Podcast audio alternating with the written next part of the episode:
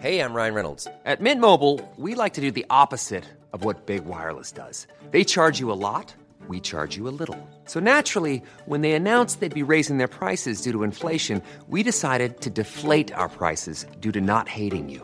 That's right. We're cutting the price of Mint Unlimited from $30 a month to just $15 a month. Give it a try at mintmobile.com slash switch. $45 upfront for three months plus taxes and fees. Promo rate for new customers for limited time. Unlimited more than 40 gigabytes per month. Slows. Full terms at mintmobile.com.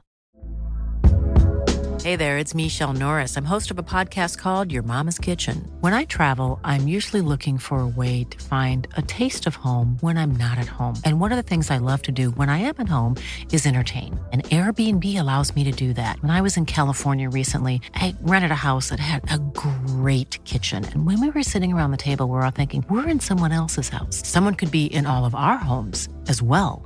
If you have a home, but you're not always at home, you have an Airbnb. Your home might be worth more than you think. Find out how much at airbnb.com/slash host.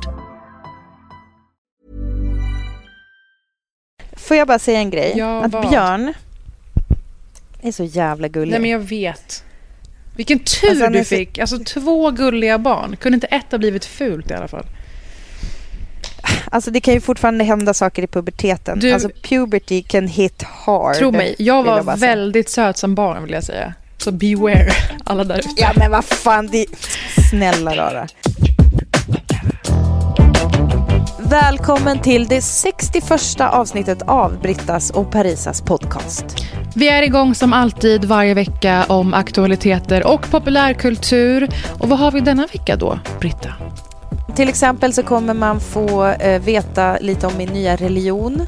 Jag kommer föreslå ett idiotsäkert sätt att skydda sig mot coronaviruset. Eh, och sen så kommer du få höra min ursprungsdialekt. Bara Det blir det. inte tråkigt. Det blir en del om SVTs halvnya debattprogram, ja, inklusive skyddsväst. Och så blir det såklart en hel del om allt som plågar världen just nu i metoo-förövare och coronavirus och liknande. Välkomna! Välkomna!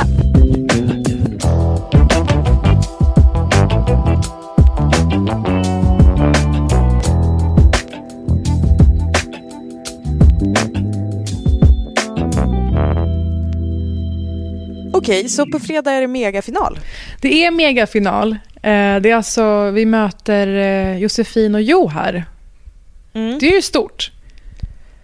Joar Bendjelloul. Just det. Och Josefin Johansson. Och vi har ju tidigare mött eh, Isabelle Hadley Kamps och Kalle Lind. Då var vi livrädda. Och så har vi tidigare mött också Jesper Röndahl och eh, Elisabeth Höglund. Och då höll jag ju på, alltså då ville jag ju dö hellre än köra den Men matchen. Jaha, okej. Men så du har bara mött sådana som du, som du skiter på dig av? Nej, men vi har mött några av de lagen. Och det är lag som har vunnit förut, eh, eller vunnit flera gånger, som i Elisabeth och Jespers fall. Och med Kalle Lind och Isabelle så är det bara att de väldigt gärna vill vinna. Man känner ju av det. Eh, Alla vill väl vinna? Ja, men du- Herregud. Jossar, de ville verkligen vinna. Så mycket kan jag avslöja. De, var väldigt Ja, okej. tydliga med det. De var tydliga från dag ett, tror jag, i eh, säsongen. Ja, okej. Att här, nej, men vi, vi är här för att vinna. Det är klart de är. Och jag och är Gunnar, de vi är såna jävla töntar. vi är ju två elevrådsordföranden som sitter där brev, Ja, ja, bredvid de här absolut. Du- rockstjärnorna. Det behöver du inte förtydliga. Ja, det är ju det... Skriker elevråd Det- om er.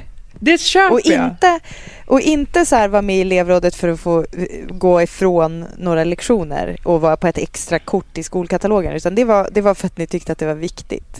Du, fortfarande viktigt. Nej, men så, Ja. Du kan ju ana då hur min och Gunnars känsla var inför denna match, finalmatchen. Men jag var, ja, var ni rädda för dem eller? För jag Nej, menar att men, de eh, vill vinna är ju inte ett betyg för att de nödvändigtvis är farliga att möta. Men så här är det att um, Jo här är ju absolut gammal P1-are och nu på DN men han, är, han har ändå några gömmor med kunskap som är lite oväntade. Eh, åt eh, liksom, tramskulturhållet måste jag säga, vilket är imponerande. Och Josefin Ja. Johansson, det är samma där. Att hon är så här berest och hon har koll på massa olika sorters eh, kulturgenrer. Och, så de, är, de är, kan vara lite överraskande.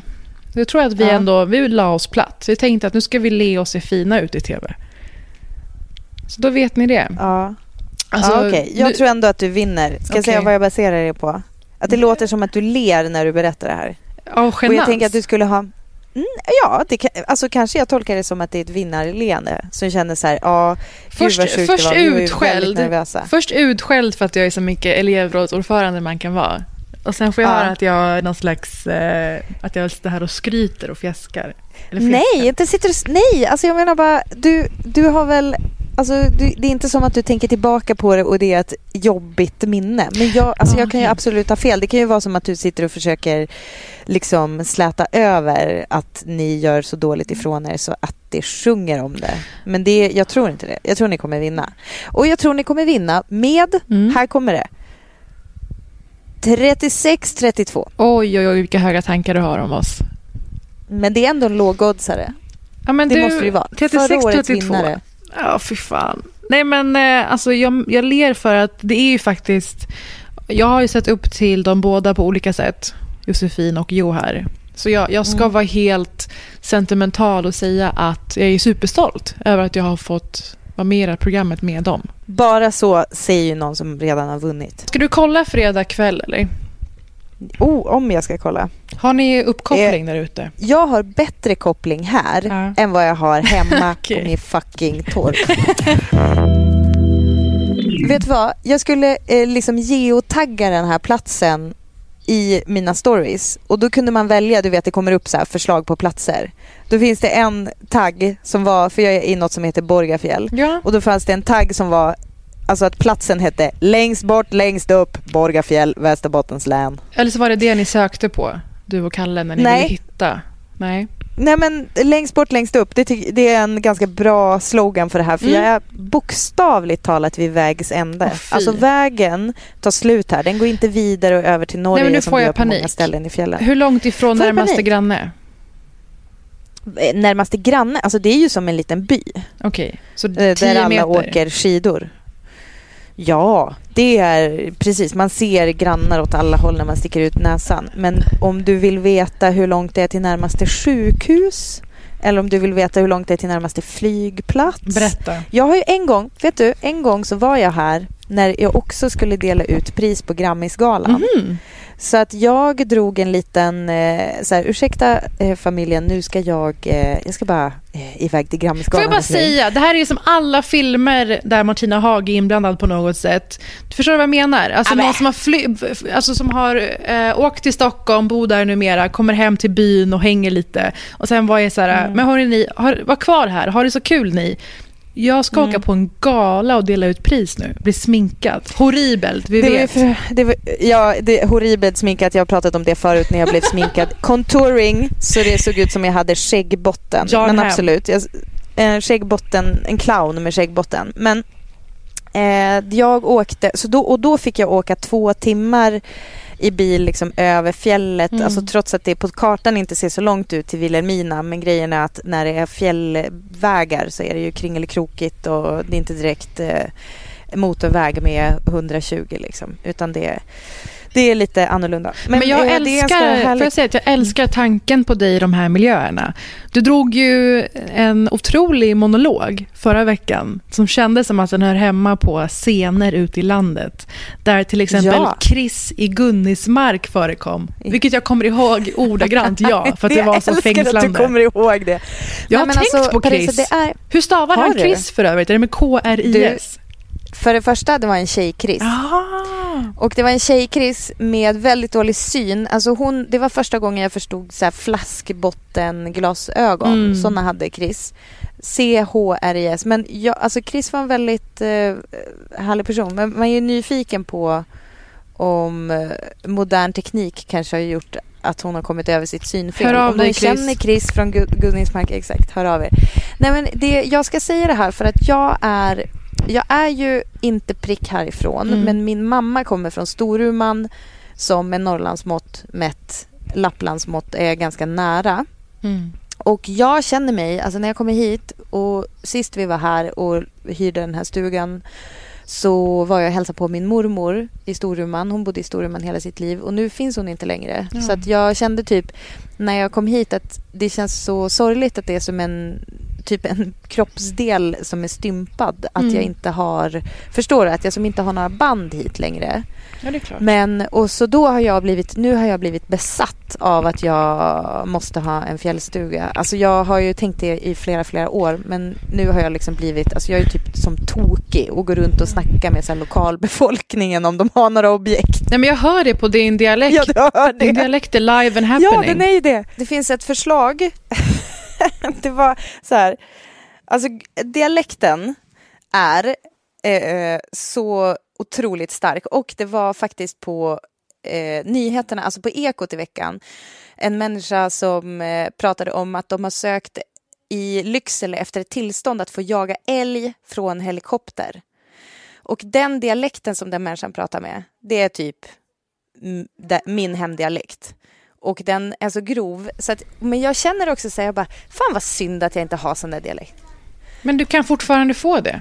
Ja, alltså den blir ju grövre när jag är här. Sveriges största skogsägare, statliga Sveaskog, har ansökt om skyddsjakt på älg med hjälp av helikopter. Ja, men det är helt enkelt därför att det är en väldigt säker och välbeprövad metod på andra djurarter. Björn Sundgren, som är jaktvårdskonsulent på Jägarförbundet, tycker att skyddsjakt med helikopter är en extrem metod. Att då komma med skyddsjakt från helikopter som tyder på att man ser älgen som ett skadedjur och inte som en resurs, det väcker väldigt starka känslor hos jägarna och även från allmänheten. Nu har vi väl ändå vid det här laget fattat att vi måste sluta flyga så himla mycket. Och det är en sån där grej som jag börjar tänka på nu i och med att det faktiskt är sportlov i Sverige. Och det är därför jag är här uppe. För att Kalle har ett barn som går i skolan som är ledigt och då hittar man på aktivitet. Ehm, och då är det, alltså jag menar jag älskar att åka till fjällen men varför jag är här just den här veckan. Ja. Eh, och då är det ju väldigt många som postar på olika sociala medier att de är i Alperna eller i liksom andra ställen som... Det känns som att det du gör i Alperna kan du liksom lika gärna göra i svenska fjällvärlden. Jag tycker att det är så sjukt märkligt att det är som att vi lite grann har glömt Alltså så, här, så länge man inte typ åker till Thailand Mm. så är man safe. Eller, eller de kanske har åkt tåg till Alperna, vem vet. Det är Ehm. tveksamt, men det är väl mer en statusmarkör. Kunna posta att man är i någon, någon schweizisk by eller liknande. Ja. det är väl det som Verkligen. spelar in. Och att, jo, och sen så, det, så blir det då jättedeppigt för de barnen som typ inte har råd att åka någonstans. Mm. Eh, och där, jag tänker svin mycket på det när jag är här i fjällen. Du vet ju att jag gillar att räkna hur många vita män som finns i olika vintersportsammanhang. Ja, du är villig att ta konsekvenserna för det gång på gång vad det låter som. Det känner ju till att tycker att Britta, Britta statistiskt bara läste av Vasaloppet som reporter för några år sedan. Men, men grejen är att jag tänker på det jättemycket när jag är här för att det är ju en väldigt homogen skara. Och jag fattar det för att ehm, vi började prata lite grann om, om klass i typ för, förra avsnittet kanske. Evigt samtal.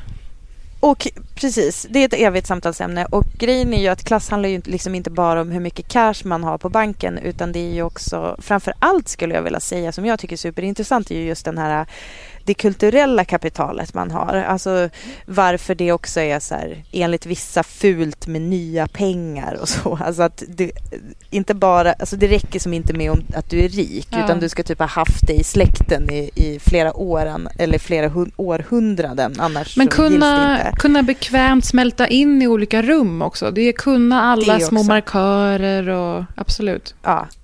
Det där är så jävla intressant och det blir ju väldigt tydligt när man är här i fjällen för här är det ju inte nödvändigtvis så här fin folk, alltså inte där jag är. Mm. För jag tycker inte om att åka till den typen av resmål där crowden är sån. Mm. Utan, och det är också därför jag har sökt mig hit och, och det finns massa, vi har varit i Funäsfjällen tidigare och ehm, ja men jag är ju som en, en fjällslampa skulle jag vilja säga. Eftersom jag, jag, jag åker var helst de vill ha mig, höll jag på att säga. Men gärna undviker då såna här liksom överklassställen.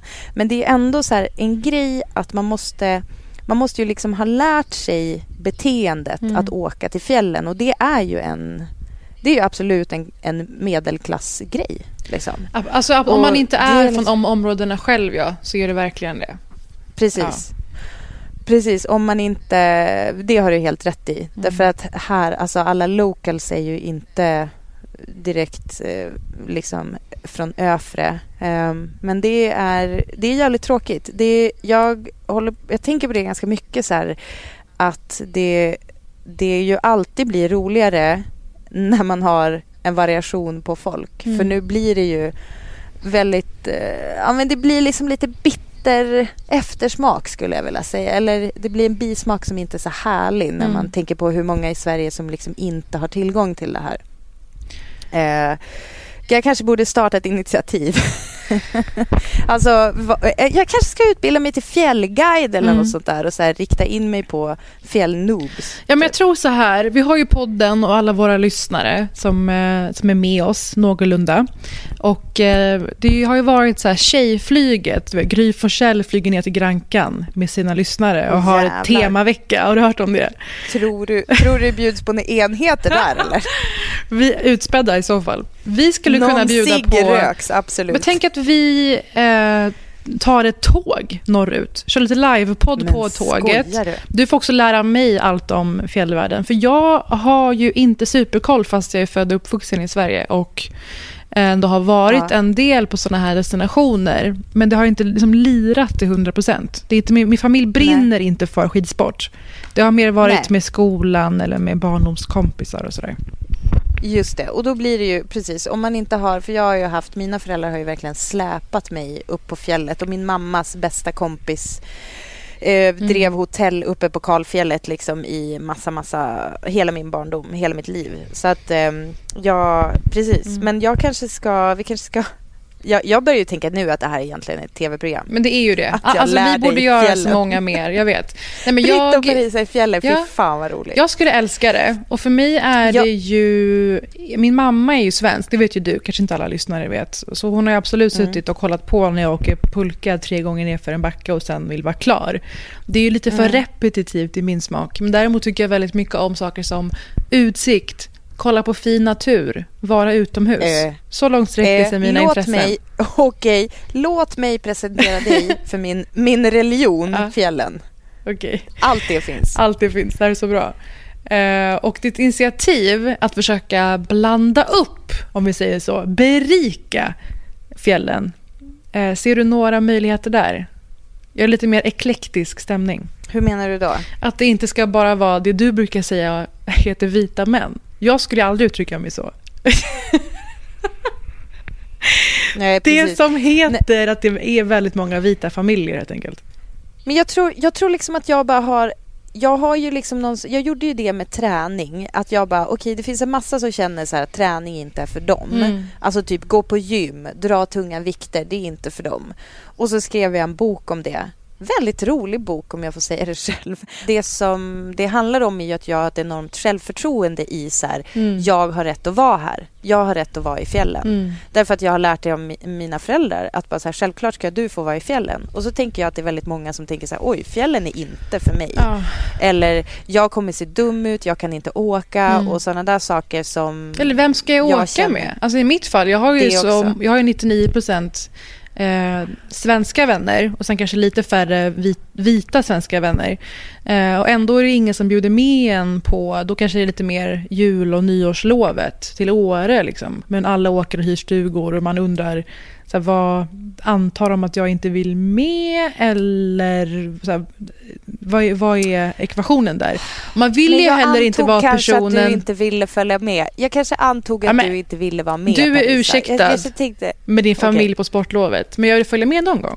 Men jag menar bara mm. att man kanske måste se bortom sina vanligaste kretsar lite också. Att, men jag håller med om att det här med att känna tillgång till no, alltså till någonting så djupt svenskt är viktigt på en annan nivå. Alltså ja. tillgång och tillstånd, att inte bli i, iakttagen eller ifrågasatt. Ehm, jag berättade ju förra veckan i podden en ganska jobbig upplevelse som hände kring På spåret i Göteborg. Där alltså gå på mm. Göteborgs gator är någonting som jag ska känna att jag inte har eh, rätt till. Och eh, mm. likaså häromdagen var jag ute och gick här i Stockholm när jag såg en hund så här, bita efter en man. Och blev mm. rädd och ryckte ut med lurarna. Och så här, vad, vad är det som händer? Kan ni ha koll på er hund? Blir totalt utskälld och får höra att det är för att jag har problem från mitt land som jag reagerar. Och så här, hundmänniskor, som, hundmänniskor som försvarar obehagliga hundar är ju obehagligt i sig, utan Ja, rasism. verkligen. så när jag påpekar att vänta, vad är det för land du pratar om? Hur hamnade vi där från att din hund biter främlingar? Ehm, Hundägare är så ja. lättkränkta och bara häromdagen eh, när jag gick i rulltrappan och någon man vrålade efter mig att i Sverige gör vi så här och hade en annan uppfattning av hur jag borde ha gått i rulltrappan. Så det är bara när det offentliga utrymmet minskar för vad som är okej att göra, alltså det blir väldigt snävt och svårt att komma in i svenskheten, så tycker jag att det Ja. du är inne på är väldigt, väldigt fint och bra. Att vi, vi tar ihop ett gäng och åker. Och jag kan säga att det finns jävligt mycket plats i fjällen.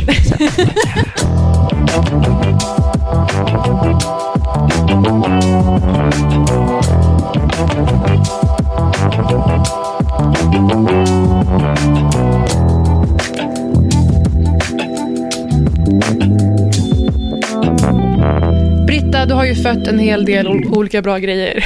Du var inne på boken precis. Björn som just sa hej. Hej Björn, din, din bebis. Och Essa, ditt barn. Eh, Men nu tänkte jag på formatet Är det bara jag eller? Som är Ja! en succé som vi måste prata mer om i podden tycker jag. Och den här Jag veckan... älskar att du har tagit det till dig. Ja, men det är evigt känner jag. Och ni där hemma får gärna skicka in förslag till Är det bara jag eller? Det vore kul. Men den här Åh, veckan så har jag tre grejer som jag känner att jag måste få vädra med dig. Många grejer, men det här är bland annat tre grejer. Ska vi köra? Ja. ja. Okej.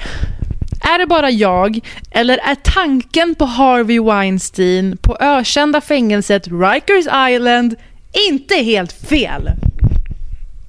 100 procent. 100 procent. Blir man Det lite är, glad? det, det är en kittlande tanke. Jag har inte sett vad det slutgiltiga straffet blev, men det är minst fem år och max 25 år, säger man.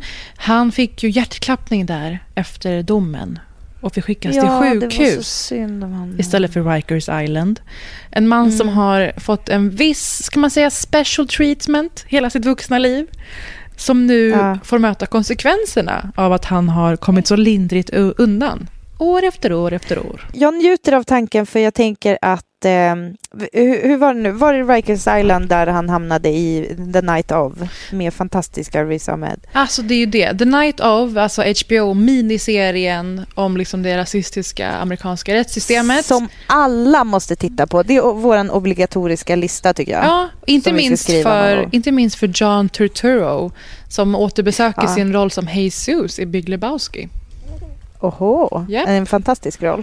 Du, verkligen. Slickar på bowlingklot och liknande. Han har mycket fotproblem i den här serien dock, så varning om man är Kliar känslig för fötter. Han är nar- vanlig, va- varning för folk som är känsliga för narighet. Ja, fy. Nej, men det här med Rikers Island, det är ju ökänt och inte minst i The Night of har man fått se att det är en, det är en hel radda övergrepp och eh, misshandel och liknande som kan tänkas vänta, Vänta har mogulen. Weinstein.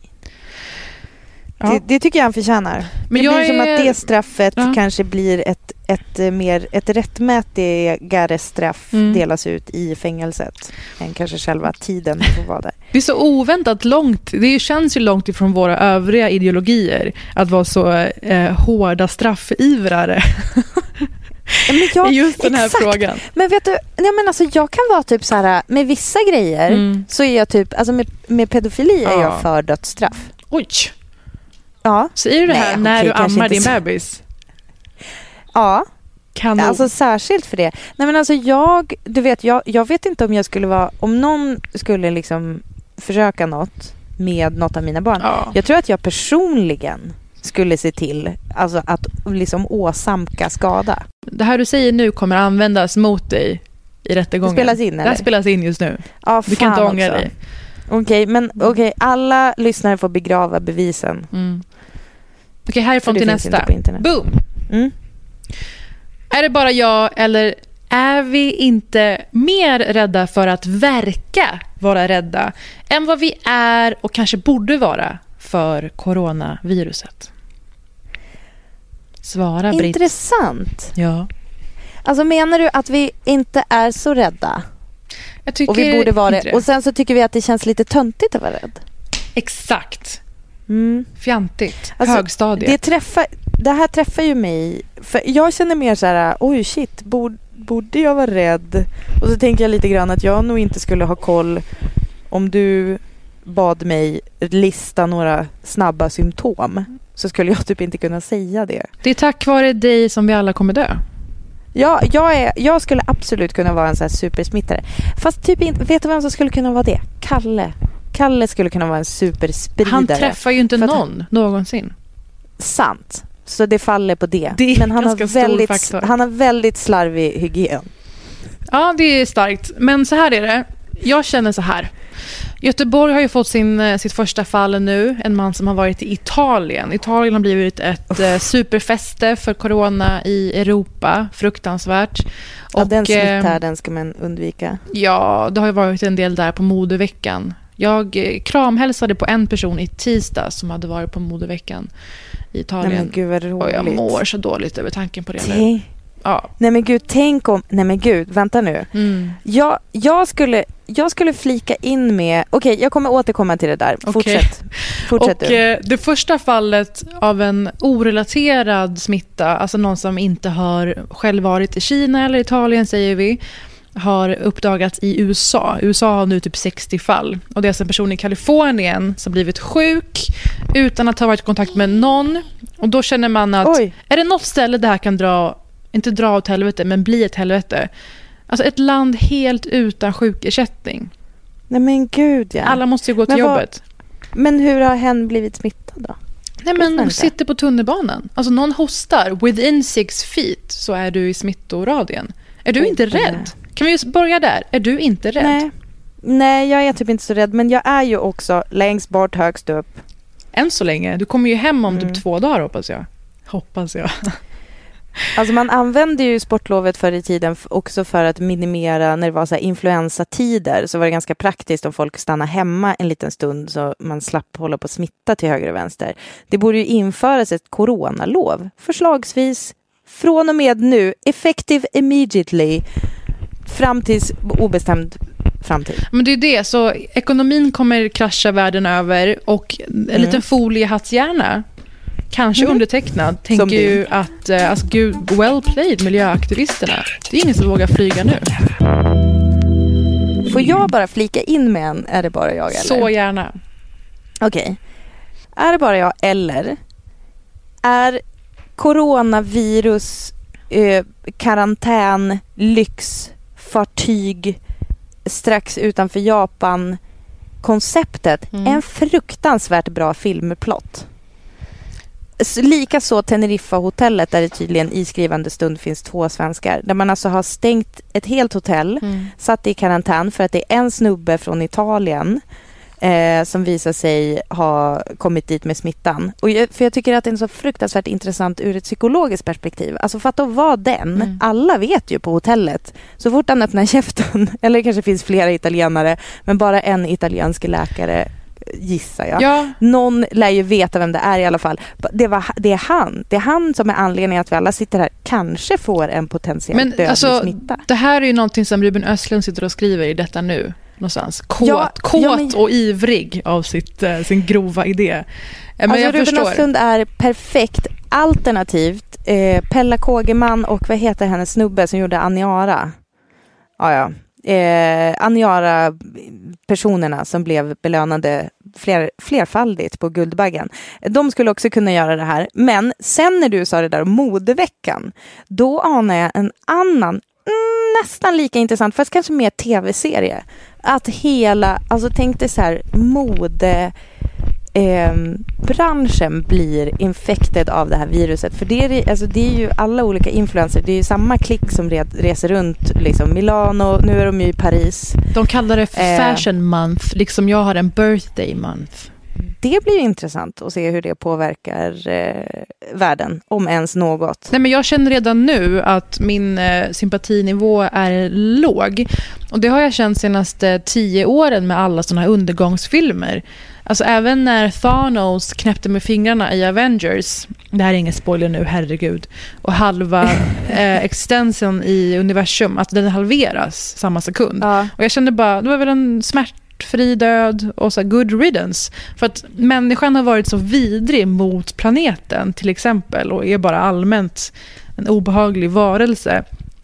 Blev inte så rörd känner jag. Och Alltså nu- det är lite Greta Thunbergs i det att det också är slightly... Eh, li, Environmental. du, är lite in, nej, du är lite inne på spektrat där, tycker jag. Att bara, ja det var väl good riddance. Det- alltså, Det jo. var- mänskligheten förtjänar Ja men absolut. Vi förtjänar, Förtjänar ju... så. Jag bara vi bryr mig inte så ingenting. mycket. Jag bryr mig bara inte så mycket.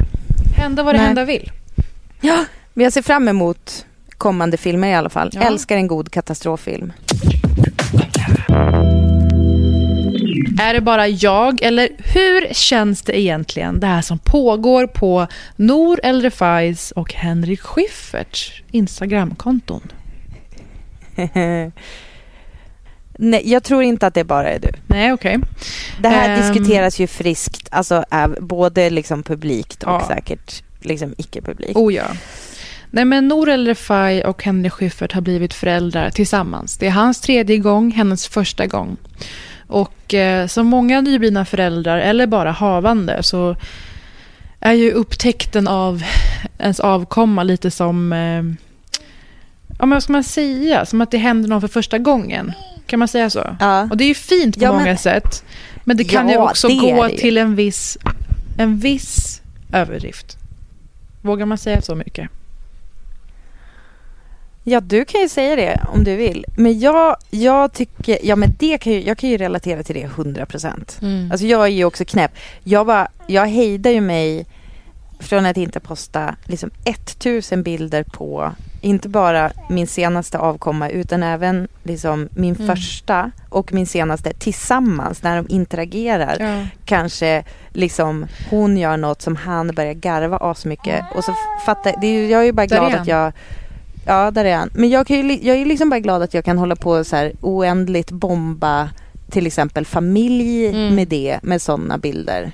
Jag, jag känner Men jag har sett inte att... det eh, lyftas mer på Twitter och sådär. Det är ju väldigt mycket kärleksförklaringar till eh, barnet som ju inte kan svara, så vitt jag vet.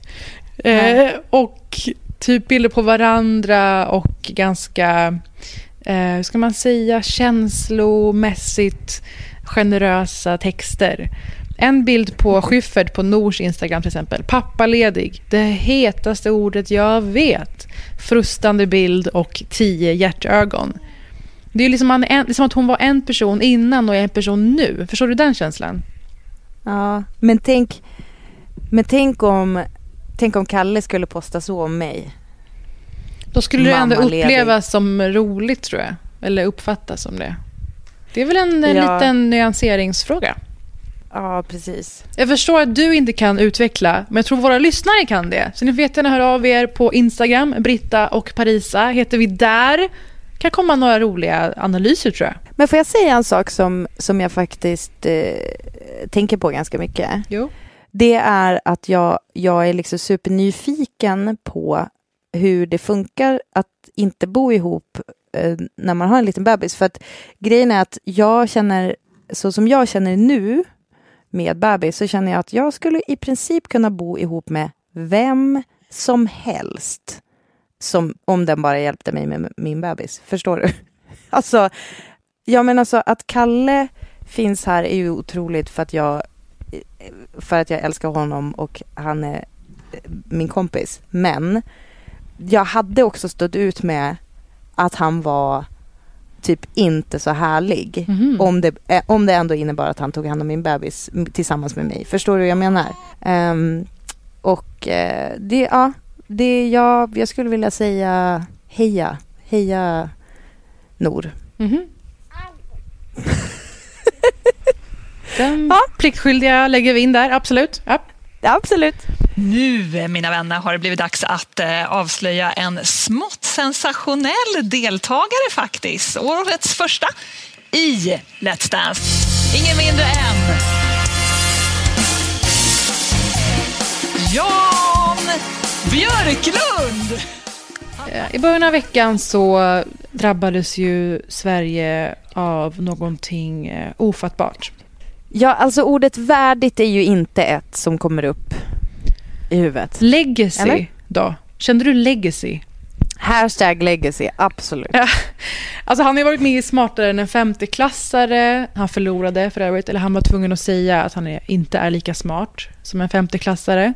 Um, och han avgick ju som partiledare, var det förra året? Och är ju nu med i partiet, absolut. Men vill väl hålla liv i sitt brand av någon anledning, tänker man. Alltså det är liksom någon, något Ebba Busch aktigt över det här, mm. känner jag. Att det, man, man vill liksom hålla kvar sig, man vill liksom vara en kändis kanske mer än en politiker. Eller? Oh ja, verkligen. Alltså någon slags opportunism i det hela. Eh, hon har ju varit med i uh, Let's Dance, blev väldigt omtvistat. Och jag hittar bara ett klipp där Ebba Busch Thor går upp och sjunger på vad som verkar vara på eget bevåg i pausen, reklampausen på Let's Dance. Som alltså publikperson bara. Så, Va? Det är det närmaste hittills vad det verkar. Vi får se om hon kommer med. Va? Men vad sjunger hon för sång? Carola verkar det vara.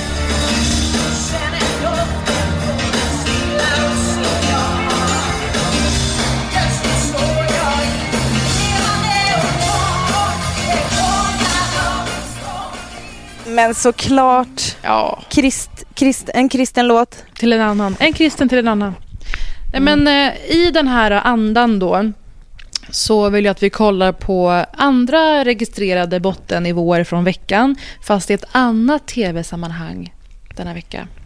En eh, viss premiär för ett eh, halvnytt format på SVT. Jag tänkte skicka två bilder till dig på sms. Oj, oh, ja, eh, är, det, är det Hot Lamotte? Hot Lamotte! Hetare än någonsin. Hot Lamotte. Oj, oj, oj, oj, oj, oj. Okej, alltså Joakim Lamotte har vi här. Alltså Swish-journalisten som sänder olika väldigt upprörda lajvar och ber sina fans och anhängare swisha honom för att kunna fortsätta med det han gör, vilket är väldigt eh, enkel, ska man säga, enkelspåriga uppfattningar av samhället. Vet du vad, nu ska jag flika in med en liten grej. Robert Aschberg har skrivit en väldigt bra eh, krönika om fenomenet eh, Swish-journalisten Lamotte. Ja, den kan man googla. Kan inte du berätta vad du ser på bilden jag skickade till dig? Ja, eh, då står han i en tv-studio, jag gissar debatt, eh, på, bara på grund av eh, omgivningen som eh, liksom en ganska ful studio. Mm. Eh, och eh, han har på sig en skottsäker väst och jag gissar att det är något drama kring det. Han ser ja. också väldigt eh, bister ut och han har ett plåster på tummen. Jag väldigt gissar att han är skadad i fält. Eller hur? Han vill, han vill markera att det har hänt någonting. Hans modiga strid där ute för sanningen. Han vill ju mm. alltid skapa drama kring sig, exakt. Han har tagit svensk debatt till en annan, ännu lägre nivå. Det här är alltså från premiären av, eh, det är ett debattprogram och vi ska tro att det är nytt. Sverige möts direkt är det här. Men fortfarande med Belinda Olsson. ja. Som alltså ersätter Opinion Live men med längre och mer, eh, mer sällan förekommande verkar det som. På tv. Okay. Och eh, igår så var det så att de befann sig i Trollhättan. Och eh, eh, Lamotte har på sig västen för att han vill... Han menar på att han har en hotbild mot sig. Det är därför han har på mm. sig den i direktsänd tv. Ser du mm. någon annan anledning till att han insisterar på att ha på sig den här västen i tv? Han är ju omgiven av poliser, det ser du. Jag, jag vet inte om det är poliser runt omkring men framför allt så är han ju eh, i en tv-studio där de... Eh, det brukar vara ganska mycket säkerhet eh, just på tv-studios. Mm. Eh, man får, man får liksom inte komma in om man inte identifierar sig och så vidare. Så jag, jag ser inte riktigt anledning till väst. Nej, inte just i det här fallet. Eh, det är så att han menar på att han bara har den för att han upplever en hotbild mot sig. Så är det ju inte. Den här bilden sprids ju på Eh, de här forumen som vi brukar prata om. Som ägnar sig åt, liksom, det är hatsajter, det är eh, så obehagliga högerextrema sidor och en del bara långt ut höger såklart. Och eh, den här västen ska ju på något sätt eh, förstärka deras rådande samhällsuppfattning. Att vi alla är på väg att bli skjutna i gängskjutningar exakt när som helst. Men menar han, alltså är han, tycker han att, hans, eh, att hoten kommer från människor som är engagerade i, engagerade, det var ett kul ordval, i gängskjutningar. Alltså det tror jag att han säkert får hot om på nätet. Okay. Sen så tror jag att det var väldigt låg risk för att någonting skulle hända just i den här tv-studion ja. som du nämnde, i, omgiven ja. av eh, poliser. Svårt att se varför debattprogrammet lät honom ha på sig skyddsvästen. Eh, om inte för att de ville få en liten del av den kakan. 100 procent. Så då tror jag vi har... Jag tror att de uppmuntrade. Ja, jag tror vi har veckans brunklick faktiskt. Det var ett tag ja. sedan. Ja, brunklick är ju när vi pratar om, det här kan ni som lyssnar på podden, det är när vi snackar om eh, när etablerade medier som eh, alltså radio, tidningar och även tv vill locka åt sig uppmärksamhet, tittarsiffror eller klick från ställen där såna här röster och åsikter brukar hänga. Avpixlat ja. och company. Eller vad de nu heter numera. Det startas ju nya såna här sajter hela tiden också. Och eh, med Lamotte så kommer ju de på köpet på något sätt. Hans fans och anhängare. Och eh, de gör sig inte bara skyldiga till det i eh, Sverige möts utan de har bjudit dit två locals i Kronogården som man ser det här väldigt demoniserade området i Trollhättan som de är där för att debattera. Och de menar på att de vill diskutera segregation och integration. Och det skulle man ju vilja faktiskt prata om eh, mm. på en annan liksom nivå. Men det är två ditbjudna då locals som får vara de som i stora drag kritiserar Lamotte. Och då är det också en viss mm. maktobalans känner jag. Mm. Han är ändå en debattör och i grunden journalist. Ja, han är verkligen. en självskapad publikperson. Och eh, de är två personer som tycker att eh, alltså, porträtteringen av, gestaltningen av, ska man säga, den här orten gång på gång är väldigt eh, ensidig. Mm. Och eh, då är det de två som får föra den här talan. De gör det helt okej bra tycker jag, absolut. Och sen är det två lokal eh, kommunpolitiker också där som mm. inte bidrar så jättemycket i mina ögon. Och det är en lokal eh, fotbollstjej, Paula Kojo, som är med i IFK eh, Trollhättan som säger ett par väldigt välfunna saker, måste jag säga. Jag tyckte att han inte riktigt förstod vad det var han satte igång. Om du skulle förklara det. Ja, alltså med en eh, rasistisk historia som vi har i Trollhättan så tycker jag att man borde tänka över. Ditt följe är ju inte direkt... Eh, vad menar du när du säger rasistisk historia?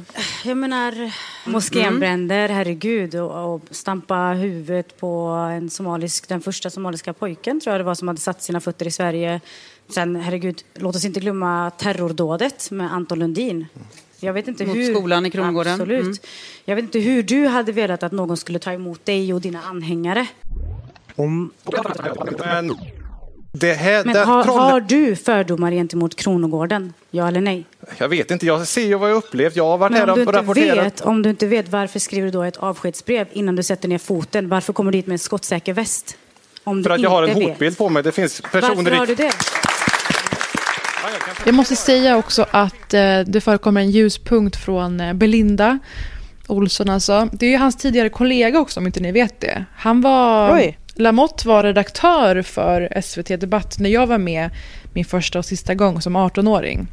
Och fick smaka mm. på hur, vilken orimlig plats det är för att utbyta någon slags eh, idé och ståndpunkt. Och eh, Belinda markerade att det kanske kan vara svårt att se dig som en, eh, en journalist utan någon slags egen agenda med tanke på det här. Vi ska prata med några fler, men jag tänkte på Joakim, du var ju intervjuad sen i kvartal efter att du varit där. Och då sa du att eh, för din del hade polisen gärna fått skjuta killarna. Och jag tänker, kan det bidra till att du inte uppfattas som en neutral journalist som bara vill berätta hur det är? Utan jag att du blir sa... en part i det? Alltså grejen är ju här, de har ju tjänstevapen. Mm. Om de inte kan styra upp en situation, då måste de ju använda spray, de måste dra vapen. Mm. Men så jag tycker så här, jag hade jättegärna faktiskt velat prata om riktiga ämnen och frågor. Och glappet mellan Agenda, dit politiker mm. och makthavare kommer, och Opinion Live. Ja, det måste minska. Men inte i program som polariserar mer, eh, som bara tar dit ytterligheter av en fråga och där mm. det är maktobalans mellan deltagare. Men tror du att det skulle gå att få ett sånt samtal i tv när SVT har den här historien med hur de här programmen vanligtvis brukar play out. Mm. Alltså tror du inte att de ringer runt till en massa... Jag har ju tackat nej till att medverka och jag är ju enligt mig själv en vettig person och du har ju också, vet jag på sistone, tackat nej lite här och där till lite olika ämnen mm. som ska avhandlas i typ den studion. Så det tänker jag att de kanske borde helt och hållet liksom begrava och göra ett riktigt nytt program. Ja, jag såg någon på Twitter säga, vore det inte en bra idé att följa dem i respektive kontext eller att en person bjuds in till den ena och en till den andra, att man gör någonting ordentligt med resurserna. Alltså verkligen inviga folk i vardera kontext. Mm. Jag är ja, för nu får grund... de bara stå i studion eller? Jag sa, grundproblemet är att det blir automatiskt oppositionläge. Ehm, mm. Jag känner att den här frågan är väldigt eh, svår och väldigt stor. Jag hade mm. verkligen velat prata om de här grupperna, om vad vi ska göra. Och eh, det blir omöjligt så fort han är inblandad på grund av vad han representerar och vad hans anhängare står för. Så mm. jag hoppas att man verkligen tar ett möte eller två efter det här eller bara på hela kanalen och tänker att det är ett otroligt, det är en otrolig smärtpunkt vi är inne och drar i. Och Sverige som helhet nu behöver inte bli mer splittrat, snarare motsatsen. Parisa, du måste säga nu, ja. du måste berätta nu varför det är ett lite kortare avsnitt än vanligt. Fan vad nöjd du är över det här. Jag tror det kommer bli lika nej. långt. Nej, jag skojar. Nej, men jag är inte, nej, jag är helt... inte nöjd, men jo, men du har alltså, jag är otroligt rätt. missnöjd. Du har helt jag rätt i att vara det. det är därför. Du har helt ja. rätt i att vara det. Det är så här, jag tror i någon slags, eh, vad ska man säga, utmattning och dumhet så blev det något fuckery med min mick igår. Kan inte placera det, men tänk liksom kopplat micken fel och inte märkt det på mm. en timme och 30 minuter när vi spelade in. Så vi spelade in, jag tog en kväll ja. eh, från, jag byggde en liten studio i ett litet kyffe här i sportlovsstugan eh, och spelade in i en och en halv timme och sen så berättade du att din mick inte var riktigt Nej, med. men jag så vågar det... inte ens garantera att det här kommer jag komma med. Jag har koll, Nej, kollat 3000 gånger, men jag är livrädd nu. Jag kommer aldrig ta ja. någonting för givet någonsin igen med men den här podden. Om du, inte, om du inte har bandat det här nu så är den här podden död. Ja, fan, för alltid. Men tack, nästa vecka... Tack, vi... för att, tack för allt. men nästa vecka är vi tillbaka i studion, hoppas jag. Lite tryggare. Och ja. vi finns som alltid på Britta och Parisa på Instagram. Vi hänger snart. Det gör vi minsann. Ja. Lycka till där borta. Puss hej. Tack du med. Puss, Puss hej. hej.